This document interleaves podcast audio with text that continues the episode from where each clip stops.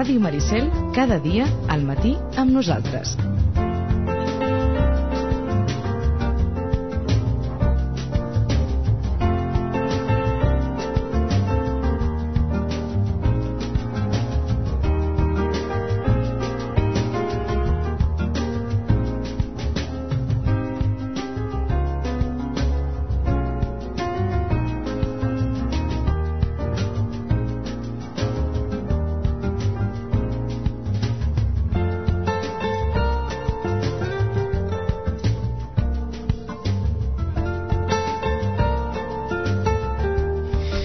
Quart de dotze.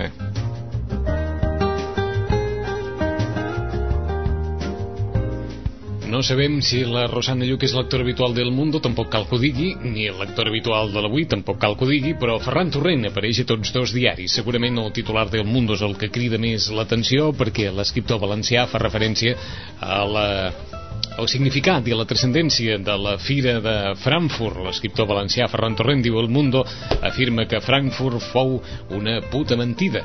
A pàgines interiors mm, el qualificatiu de puta no apareix, però en canvi a la primera pàgina sí. Diguem-ne que ja se sap que eh, si ho va dir o no mm, bé, haurem de creure que sí si surt eh, publicat d'aquesta forma però eh, ens estranya també que a l'interior no aparegui el que crida tant l'atenció a l'exterior i en canvi en, en l'avui també hi ha una certa reflexió a l'entorn del paper de l'escriptor amb la llengua catalana i sobretot que, que Ferran Torrent diu o deixen, deixen entreveure que, que la seva vinculació amb el, amb el català doncs té, té els dies comptats tal i com estan les coses Rosana Lluc, bon dia, bona hora Hola, molt bon dia. Escolta, Tam- avui és una bona entrada, això. Eh que sí? Home, diríem que és una entrada triomfal, gairebé. Escolta, perquè deixat així, i tu, aquí, i t'ho què explico, i t'ho explico això a un quart de dotze del migdia, perquè llegir-ho a un quart de nou del matí fa una mica més d'efecte encara. Sí, sí, doncs ja, veig, ja veig que has tingut un bon matí. un, Eh? bon, un, un, dins de tot el que hi ha, hi ha encara oh, un escriptor que no sé si d'alguna forma també reflecteix, eh, hi ha una sensació tan tan pessimista de, sobre, sobre el futur de l'edició en català o de la possibilitat No, però recordem que ell viu a, a València. A València, eh? Sí, sí, està clar. O sigui, eh, no pas aquí, nosaltres estem aquí, però a València jo crec que sí que hi ha... Vaja, um, jo ara darrerament, jo no hi he estat darrerament, la reconec que no, fa molts anys i la meva relació amb València sempre ha sigut molt estranya, no? Allò de passar-hi però mai quedar-t'hi, no? En canvi, eh, familiars meus sí que en aquest cas, mm, saps, hi han anat ara molt darrerament per veure tots els museus, etc etc que, Mhm. que té una oferta cultural amplíssima i preciosa i sí que han vingut esturats, eh, del tema del català Mm, de lo poc que es parla català eh, de- d'aquesta sensació de que el català és una altra cosa i que no va amb ells Mhm. i de dir, escolta, què passa, no? Què passa, no? Sempre els hem tingut allà com que, vaja, allò, que estan allà i que són, que som tots nosaltres, no? Mhm. I ara resulta que ens adonem de que ells no, que ells no parlen català, Que eh, no. que allà hi ha poca gent parlant català Ah. i que... I bé, recordem el tema de la, del repetidor de TV3, el molt que ha lluitat un editor, eh? l'editor de 3 i 4, el Vallcorba... Ai, perdó, el Vallcorba. Ah, ara no em sortirà el nom. I a mi tampoc avui. L'editor de, de, de 3 i 4 està lluitant i lluitant i lluitant per la TV3 a, a, allà. Um, jo crec que, que el tema deu ser dur. Eh? El que passa que, clar, aquí no tenim aquesta percepció. Mhm. Per això, no, jo crec que des d'aquí no es veu així. Entesos. Des d'aquí No, no. només més que res per, per contextualitzar una mica per si hi ha una certa sensació que, que Franç, fa, Frankfurt no ha servit de gran cosa i que, i que etc etc etc. No. Bueno, però ja saps que també tot... eh, veure, suposo que també deu ser... Nosaltres, nosaltres que vivim, no? Que no vivim a Barcelona, que Mhm. som òrbita de Barcelona, sabem lo molt que xucla Barcelona, no? Com a centre. Suposo que aquesta sensació de que la capitalitat de, del català la té Barcelona, no? Eh, Catalunya, però en definitiva Barcelona, no? Doncs també per un autor que viu allà i que ha de publicar i que a més a més parla valencià i que escriu en valencià, mm? i que doncs eh, fins i tot la manera aquesta més, més franca i més, més de tacos d'expressar-se Mhm. la té um, suposo que deu ser dur per ell veure que cada vegada li tan... les portes estan més tancades de l'edició en català allà eh? També, a veure, també jo reconec que en canvi, jo reconec la feina d'un altre editor, no només del 3 i 4 sinó d'editor Bromera, que està editant moltíssima cosa, que a més a més fa l'esforç d'editar doncs, eh, llibres que fa molt de temps que estaven publicats en editorials d'aquí i ara es publica ell, i per tant dius, bueno, l'esforç d'allà deu ser titànic comparat amb el, amb el nostre, no? Mm -hmm. Perquè, esclar, uh, si la sortida ha de ser aquí, per tant han de lluitar dues vegades, eh? perquè han de, han de lluitar amb el mercat d'aquí i a més a més doncs, treure allà que la difusió deu ser poca. Mm. No dic que nula, però sí poca. Però poca.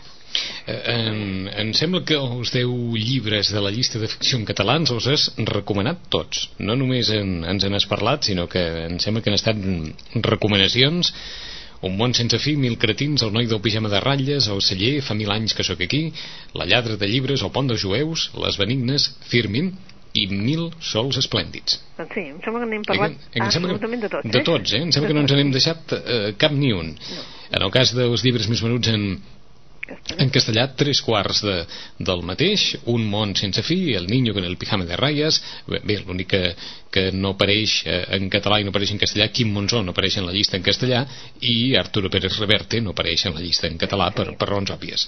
Un dia de còlera de Arturo Pérez en Reverte Vida i destino de Vasily Grossman en quarta posició La bodega de Noah Gordon Villa Diamante de Boris Izaguirre Las benévolas de Jonathan Little La ladrona de libros Firmin i Mil soles esplèndidos. O sigui que, la, que les dues llistes mm, doncs mantenen eh, títols que ja en el seu dia eh, la Rosana ens va recomanar i que entenc que són de, de gran categoria per, per tots aquells que, que, tinguin, que tinguin interès Sí, és curiós, eh? perquè més o menys estan... Que estan molt, molt eh? parells, eh? Uh mhm. -huh. Sí, no sé, són veïns ara, eh? Ja, ja, són veïns. Són veïns, eh?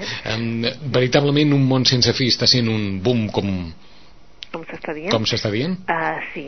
Uh, penseu que també el febrer tampoc no és massa data de, de, de venda de llibres, pel que fa de que doncs, és una... Bé, nosaltres hem passat ja el Carnaval, el Carnaval no és època, diguéssim, de, de venda de llibres realment.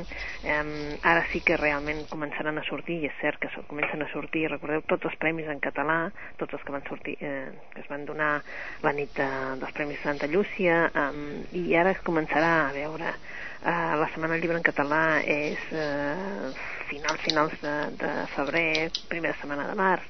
Per tant, ara se'n començarà a parlar, però de fet, mm, clar, eh, el món sense fi destaca per tots els altres, és evident, perquè doncs, continua sent un llibre doncs, que com que, esclar, que, qui no ha llegit Els Pilares de la Terra? Doncs mm, sí, n'hi ha gent que encara no els ha llegit, Els Pilares de la Terra, però en canvi, doncs tothom diu, bueno, doncs és un llibre que si n'haig de regalar un, em regalo aquest, o si me'l vull comprar, em re... compro aquest perquè em fa gràcia, no? Perquè uh -huh. me'l vaig llegir fa molt de temps l'altre i el vull llegir. I sí que es nota, doncs, eh, la diferència entre els altres, però sí. De moment està sent un èxit i es preveu que això dura fins a Sant Jordi, però mm -hmm. res, eh? O sigui que, Rosana, les novetats que han de venir segurament ja estan, estaran encarades cap a Sant Jordi molt probablement, ja, no? Sí, sí, sí. Ara ja sí que tothom ja publica, a partir de febrer tothom publica ja molt descaradament de cara a Sant Jordi. Mm -hmm. eh? Vull dir, fins i tot, doncs, et diuen, eh, aposta, aposta, aposta, que és que això en nostra llengua també és així, no? Aposta per aquest, i aposta per aquest, i aposta per aquest. vale.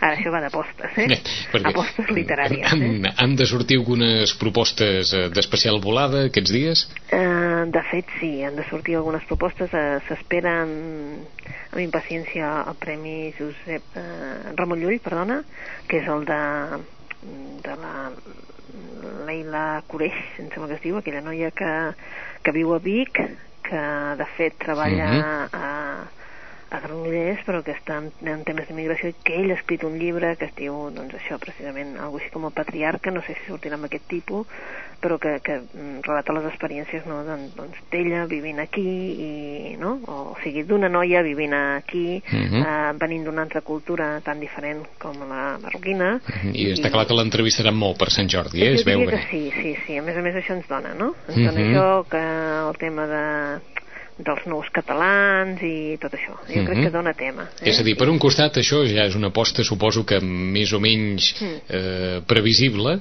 des del punt de vista editorial i des del punt de vista de, dels llibreters, i n'hi ha una altra, eh? I n'hi ha una altra. Però, però n'hi ha una altra que sortirà en castellà i en català, de fet s'ha escrit en castellà, tornarà a passar, com recordes el fenomen eh, Catedral del Mar, mm -hmm. doncs eh, hi ha una altra proposta, ve també d'un autor que és el Xufo Llorenç, que és també un autor de novel·la més aviat de caire històric, i torna a estar Barcelona implicada, o sigui que... Mm, mm -hmm. eh, serà una aposta forta també. D'acord. Jo diria que, saps allò que, que serà una aposta d'aquelles de dir, bé, ens sentirem a parlar i molt. Eh? Per tant, serà un autor, el Xufo Llorenç, que a partir d'ara doncs, ens sonarà. Mm. Eh, mm, se sap el títol de l'obra? Uh, diria que és Te daré la tierra. Mm, D'acord. Diria, eh? Mm -hmm. M'has enganxat així que dic... Mm, uh, reconec que tenim una, un exemplar d'aquells que corre i està corrent per la llibreria, és a dir, per, per nosaltres, a mi no m'ha tocat encara, saps? o sigui que encara no em pots dir res, eh, Encara Rosana? no puc dir res, no Mhm. puc dir res, però bé, eh, tothom està enganxat, eh? Ah, o sigui, n'he sentit bons comentaris. Sí, sí, sí, totalment, eh? Estan totalment enganxats a dir, eh, eh, eh, i estan dient, bueno, a veure quan acabes, li diu una a l'altra, no? Quan acabes que jo ho Eh, necessito. eh, de- des de la ignorància més absoluta, mm, qui és Xufo Llorenç?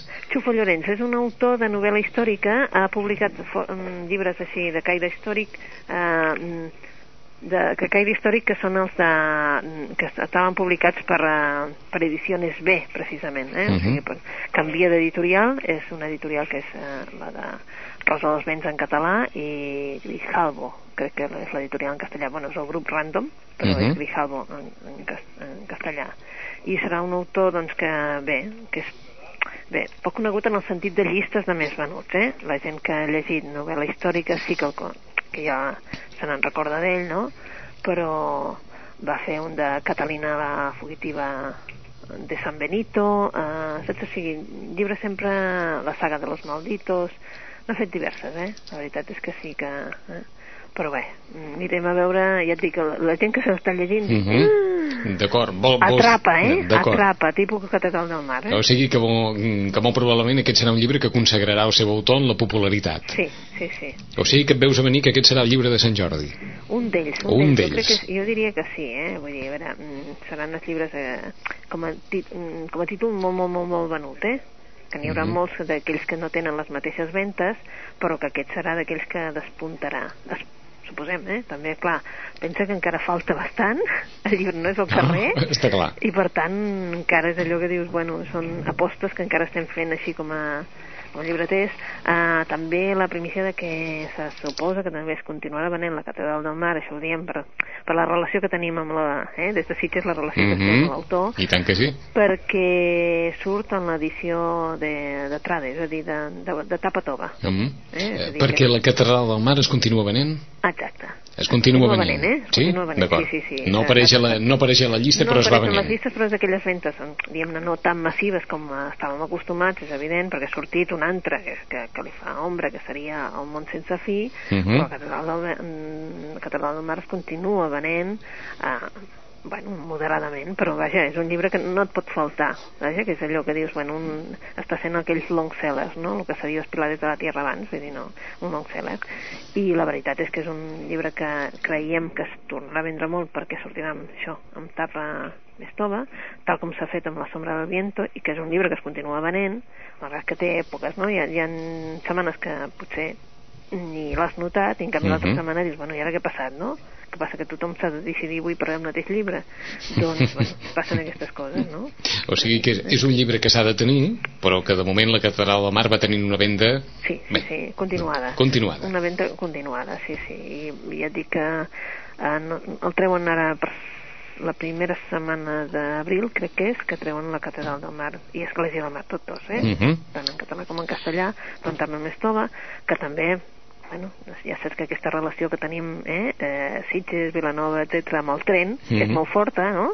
i llavors clar, dona molt de joc a llegir a hores de lectura i la gent agraeix això, eh? perquè emportar-se el llibre a sota el braç d'aquest mm, en tapa dura i tal és bastant incòmode D'acord.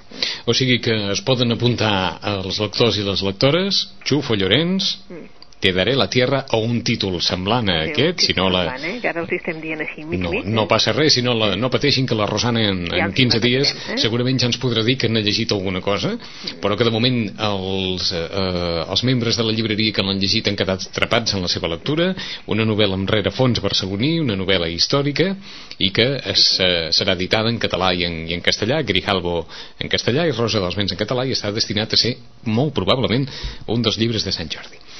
Per on comencem les recomanacions, Rosana? Mm, Bé, mm, doncs mira, d'un autor, que em sembla que no n'hem parlat, que és un autor, Federico Mocchia. Em sembla que no n'havíem parlat, És un autor que ha vingut amb força, ve d'Itàlia, però amb molta força, amb vendes milionàries tant a Itàlia com a altres països, i ens parla d'amor. Eh?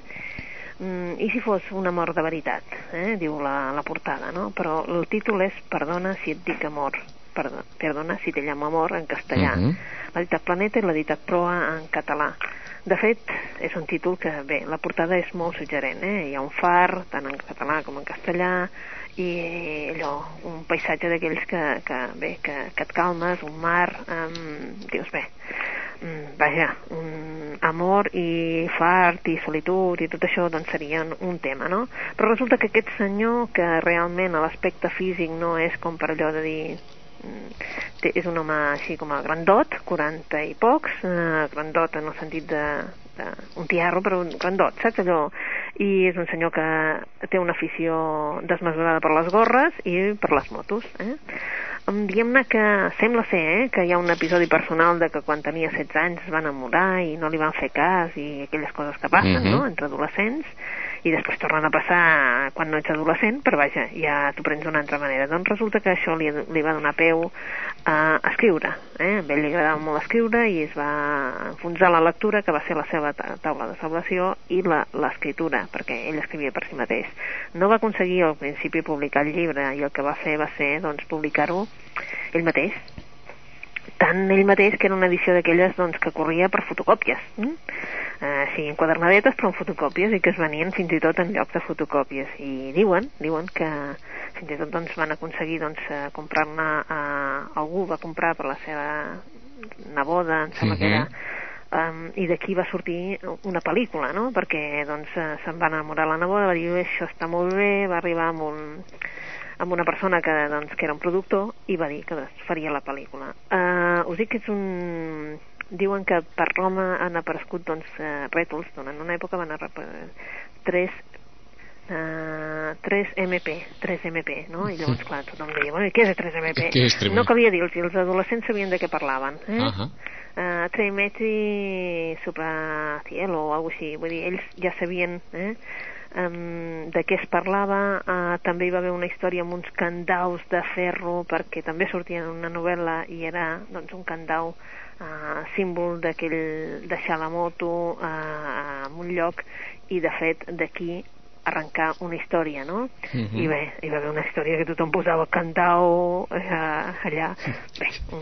Jo estava pensant, per tots aquells que no, que no ens hagin escoltat bé, no estàs explicant encara la novel·la, eh? Encara no, eh?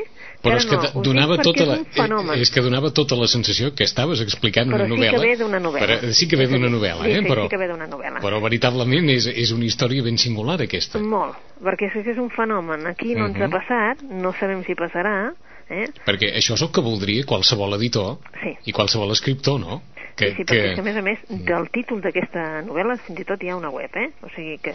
Eh, que Eh, és a dir, de, per, de la novel·la que ens comentaves que va Sí, ser... de Perdona si te llamo amor, Uh -huh. eh, hi ha una pàgina web que podeu consultar, perdona si te llamo amor.com. D'acord. Eh? Vull dir, bé, el Federico Mocchia doncs, és aquest fenomen, és un fenomen Uh-huh. editorial et- italià que bé, que és que es veu que en els últims anys ha vengut ja més de 3 milions de llibres. Va, això són molts llibres, eh? Molts, molts, eh? Uh -huh. Bé, eh, ara mateix es veu que aquell títol, Perdona si te llamo amor, ja ha superat el milió d'exemplars allà, eh? I la veritat és que és un punt de referència, eh? Per, per aquests nous lectors i doncs, que els agrada doncs, també una novel·la doncs, que parli d'amor, eh? Ens parlen de dos personatges, eh? La Niki i l'Alessandro. Eh? La Niki és una nena doncs, eh, responsable, una nena que, que està fent l'últim any de secundària, és a dir, mm, 17 cap a 18. Mm? Uh -huh. En canvi l'Alessandro, doncs no, l'Alessandro ja és un, un home, per dir-ho d'alguna manera, pues, és un noi ja que és publicista, té, eh, ja se'n va cap a quasi els 40, encara no els té, però vaja, quasi, quasi, eh, acaba de deixar la seva nòvia de tota la vida, eh, mm, és un home amb èxit, doncs, però en canvi, eh, bé, hi ha, eh, si us hi fixeu, estem dient que hi ha quasi, quasi 20 anys de diferència entre Mhm. tots dos uh, i els separa un abisme. Però, és clar, la Niki i l'Alessandro s'enumeraran bojament i viuran una apassionada història d'amor en contra de totes aquestes convencions i prejudicis socials. Eh? És una novel·la sobre això, sobre l'amor, sobre... Això, eh, que és, un, que és un Romeu i Juliet, això. Bueno, és un... Saps allò uh -huh. per les carrers de Roma, allò passejades romàntiques, uh -huh. eh? Uh, bé, mm, si, fins i tot hi ha qui l'agafa i diu, bueno, escolta, és que t'hi pots passejar tant que potser és qüestió estar d'anar-hi, no? Perquè t'ho descriuen molt bé els carrers de Roma, no? Uh -huh. um, bé, uh, joves uh, resulta que fins i tot, doncs, uh, dintre de la novel·la podríeu dir que com que doncs, van a un lloc que es menja una pizza doncs, excel·lent, doncs bé, doncs eh, també hi veu que hi ha gent que diu, bueno, anem a provar-ho, no? Perquè es veu que els llocs són reals, és a dir, la centrada tant en Roma que els llocs són reals, eh?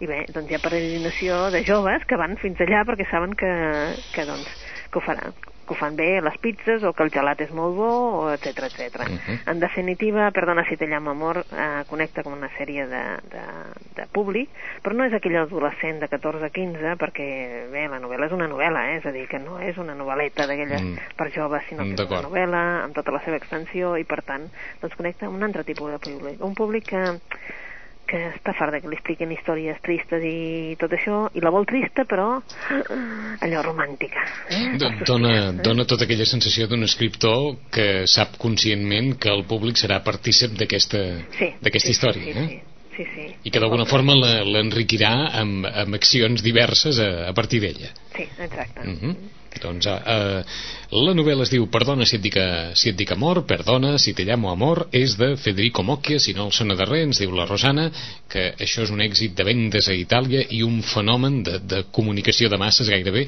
a partir de la literatura.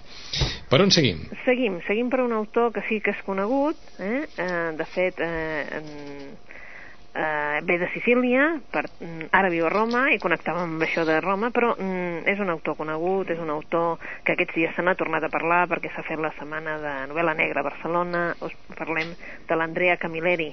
L'Andrea Camilleri acaba de publicar un llibre en castellà que es diu La pensió de Eva i en la pensió d'Eva doncs eh, bueno, és, eh, torna a estar saps allò, aquest senyor que que de fet ja, ja és gran, eh? Uh -huh. uh, ara ens parla precisament de l'argument mm, totalment al contrari. L'argument d'aquesta novel·la gira entorn al despertar uh, a la vida d'un noi, d'un noi ingenu, de finals dels 30, uh, amb aquell uh, transfons social de, i provincià de Vigata, que és on uh, ell ha imaginat totes les seves novel·les, no?, mm, eh, totes aquelles novel·les, us recordem, del Salvo Montalbano, eh, que les situa totes a Bigatta, que no existeix, però vaja, que, que podria ser, no? Uh -huh. I, doncs bé, és... Eh, la pensió d'Eva és allò, un nom suggerent d'una casa eh, que té un imà irresistible per un noi adolescent que és el nené i també pels seus amics, els seus amics, el Chicho i el Jacolino, eh? que bé, que ells fantasegen, eh, s'ho imaginen el que mm -hmm. passa a l'interior d'aquesta pensió i somien amb accedir algun dia perquè és un món desconegut que és un món que ells imaginen no? que està ple de sensualitat eh? al cap d'uns anys eh, aconsegueixen eh, arribar-hi a aquesta pensió d'Eva no? Uh -huh. i descobreixen un munt de personatges i històries difícils d'oblidar eh? La guerra eh, té protagonisme mm, i de fet cada vegada més fins que la veritat és que es converteix en una presència ja tràgica dintre les seves vides. Llavors serà l'amor i l'amistat precisament el que seran capaços de tornar-los a, a, a, diguéssim, a, a retornar-los la il·lusió i la voluntat de, de viure. Eh? És, torna a ser una, una novel·la d'aquelles que, que ell ens explica en estil irònic, eh, amb aquell sorneguent que semblaria més el nostre estil més català però que ell, és de Sicília no? i la veritat és que ens, ens es posa en una història doncs, d'humanitat doncs, que ens aconsegueix divertir-nos i commoure's a la vegada mm -hmm. és una mica doncs, recordar la seva infància ara que ell ja va cap a la seva realment, dir, clar, és, és gran, uh, l'Andrea Camilleri uh -huh. ja ha mhm. passat dels 80 i recorda ara els anys anteriors. O sigui que no, no és una visió tràgica de la vida, no, sinó no, no. una història difícil però, però sí, explicada... Però alhora és una història tendra, eh, uh mhm. -huh. d'amor i de mort, o sigui, de les dues, d'Eros i Thanatos, no, uh mhm. -huh. diguéssim, però la veritat és que sí, eh, um, és que és un, bueno, ell tras, traspassa les portes d'aquesta pensió EVA i també ens explica, doncs, això, unes històries de prostíbul, però d'aquells anys. Uh -huh. D'Andrea Camilleri, La pensió d'Eva. Per on seguim? Doncs seguim per unes altres. Seguim, per exemple, amb una novel·la que és Premi Josep Pla 2008, que és La batalla de Walter Stamp, del Melcior Comas. També és un autor per tenir-lo en compte. És un autor que ha anat publicant, un autor que, que ha fet, per exemple, el llibre dels plaers immensos, que també va ser premi, l'Estupor que us espera, que també va ser premi, L'aire del món, que també va ser premi, diferents premis en diferents llocs, però que, en definitiva, eh, que és un autor que també col·labora amb l'Avui i amb, amb presència, crec que més o menys, jo l'he vist almenys alguna vegada col·laborant amb la revista Presència, eh? Tra és traductor també, tradueix també el Balzac, a Victor Hugo, o sigui, autor, traductor clàssic, no?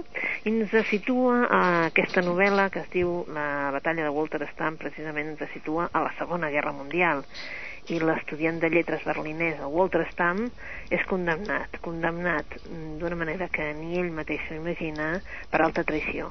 Alta traïció, evidentment, al tercer, al tercer rei. Uh mhm. -huh. Aleshores resulta abocat amb una travessia per la supervivència, allò que és... Eh, la veritat és que el reclouen en un camp de concentració nazi i el que ell mira és de sobreviure, sobreviure a aquest camp de concentració. De fet, està a punt a punt ja de morir extenuat i li commuten la pena i s'integra en un batalló disciplinari. Però, evidentment, l'envien cap a Rússia, eh? campanya contra Rússia.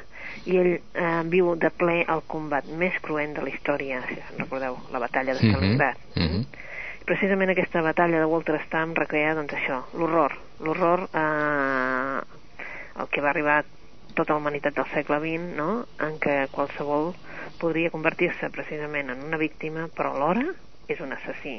És a dir, la contraposició d'ell no? ha patit l'horror de, d'un camp de concentració, li commuten la pena, però evidentment el fan anar a una altra batalla, potser la més cruenta, no saps ben bé si era millor ja morir en el camp de concentració o realment doncs, anar a la batalla de Stalingrad, que en definitiva ell que ha sigut víctima ara resulta que serà butxí, eh? perquè en definitiva està empunyant una arma. Eh? Mm-hmm.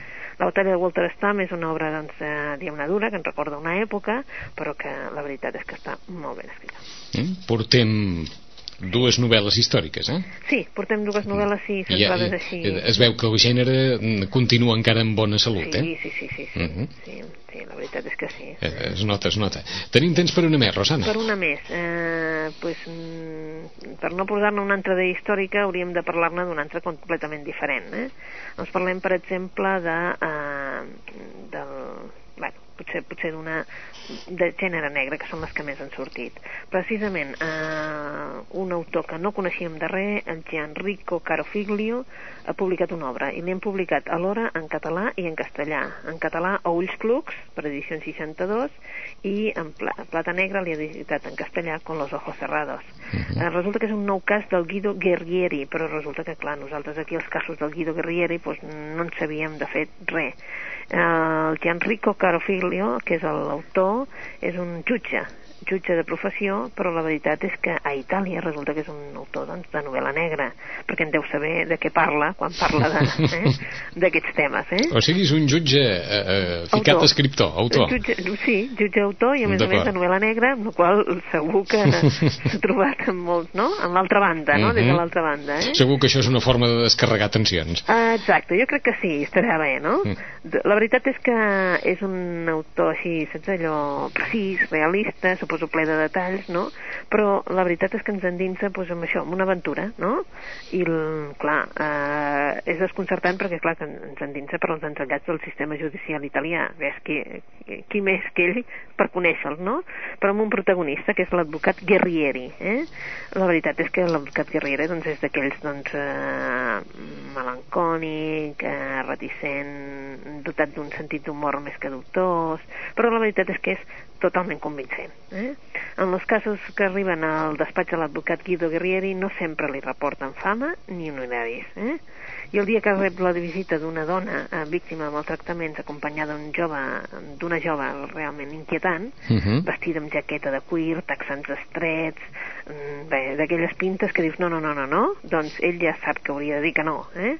perquè aquest cas la veritat és que què li crearà si no més enemics dels que ja té eh?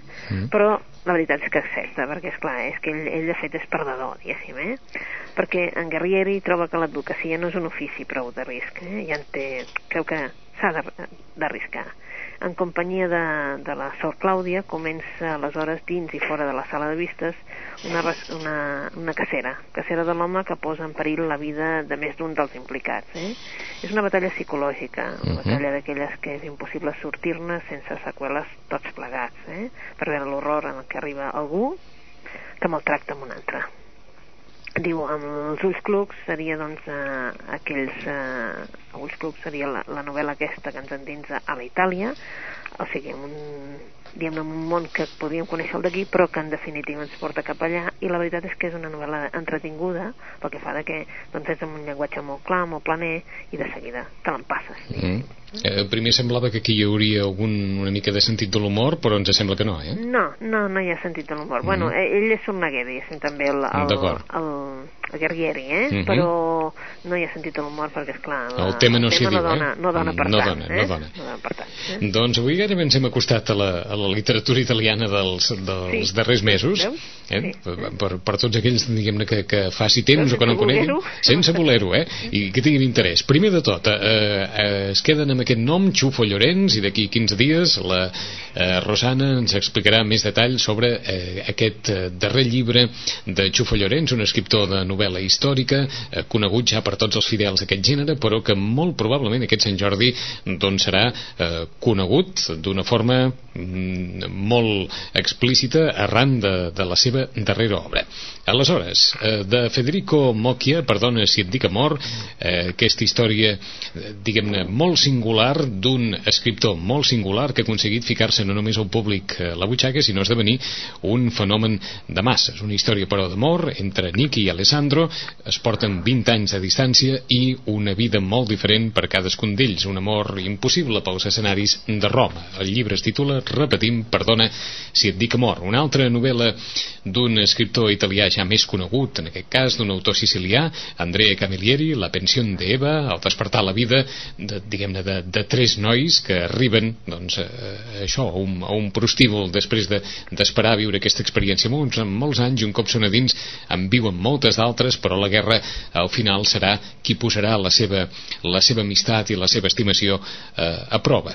De Malció Comas, la batalla de Walter Stamm, la història d'un estudiant berlinès condemnat per alta traïció, enviat a un camp de concentració i que després haurà de viure el malson de la batalla de Stalingrad i totes les connotacions, diguem-ne, des del punt de vista de la, de la condició humana que, que porta a viure un esdeveniment d'aquest tipus. I finalment, una història eh, dura, escrita per un jutge que és també autor de novel·la negra, el senyor Gianrico Carofiglio, el llibre es titula Amb els ulls clucs, la història d'un advocat perdedor que és Guido Guerrieri, que s'enfronta a un cas eh, molt difícil de, eh, de maltractaments i a una batalla psicològica entre doncs, el propi advocat i el maltractador dels de, eh, encausats o de les persones que en aquest cas li demanen eh, el seu servei. És la, la relació de títols que ens recomana la Rosana. En 15 dies tornem, com no, amb més novetats i amb més llibres. Rosana, fins aquí dues setmanes. Fins aquí dues setmanes. Adéu-siau, bon dia. Adéu.